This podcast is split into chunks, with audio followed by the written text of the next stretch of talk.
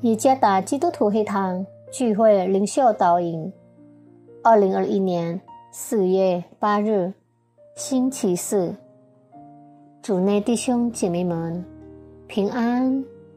今天的领袖导引，我们会借着圣经马可福音第十二章第十三节到十七节来思想今天的主题：民族主义。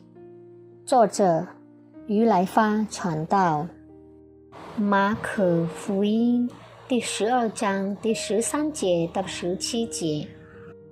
后来，他们打发几个法利赛人和几个西律党的人到耶稣那里，要就着他的话陷害他。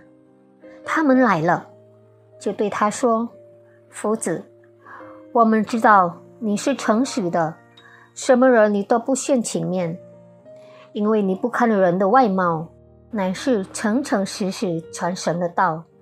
纳税给该撒可不可以？我们该纳不该纳？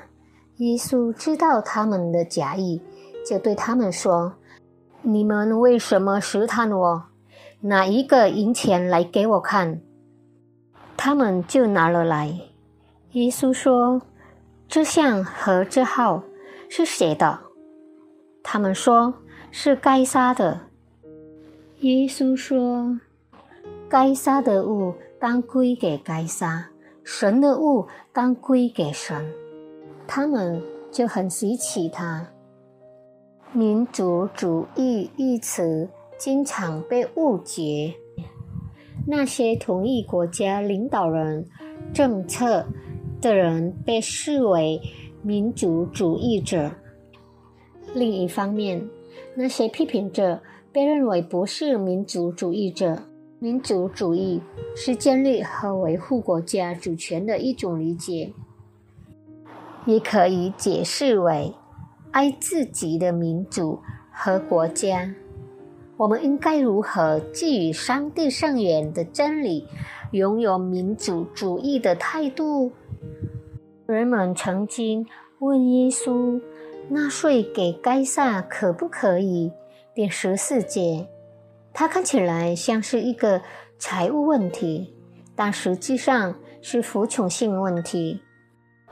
当时，税收是对罗马皇帝的一种服从。奋锐党极端的狂热分子拒绝纳税。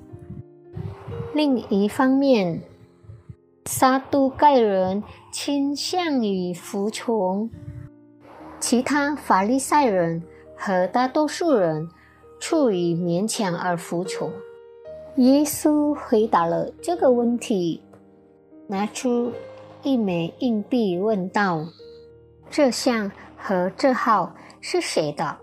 第十六节，他们回答说：“是该撒的。”第十六节，耶稣说：“该杀的物当归给该杀，神的物当归给神。”第十七节，一级服从上帝将对服从那些领导者产生影响，其中之一就是该杀。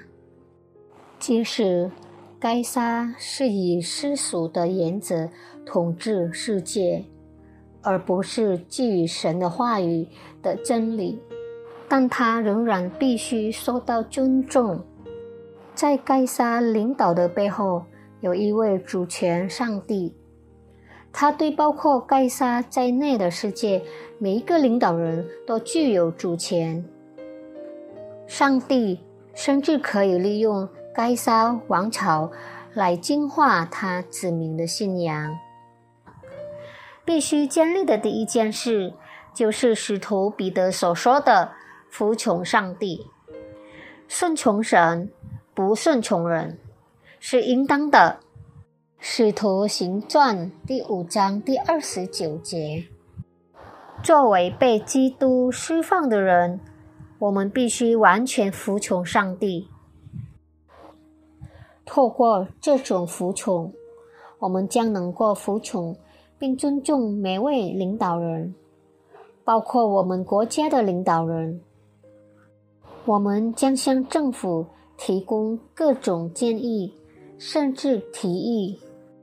尤其是如果政府在制定政策时有错误，那么我们的作用就是在上帝面前为他祈祷，并提供建设性和指导性的意见。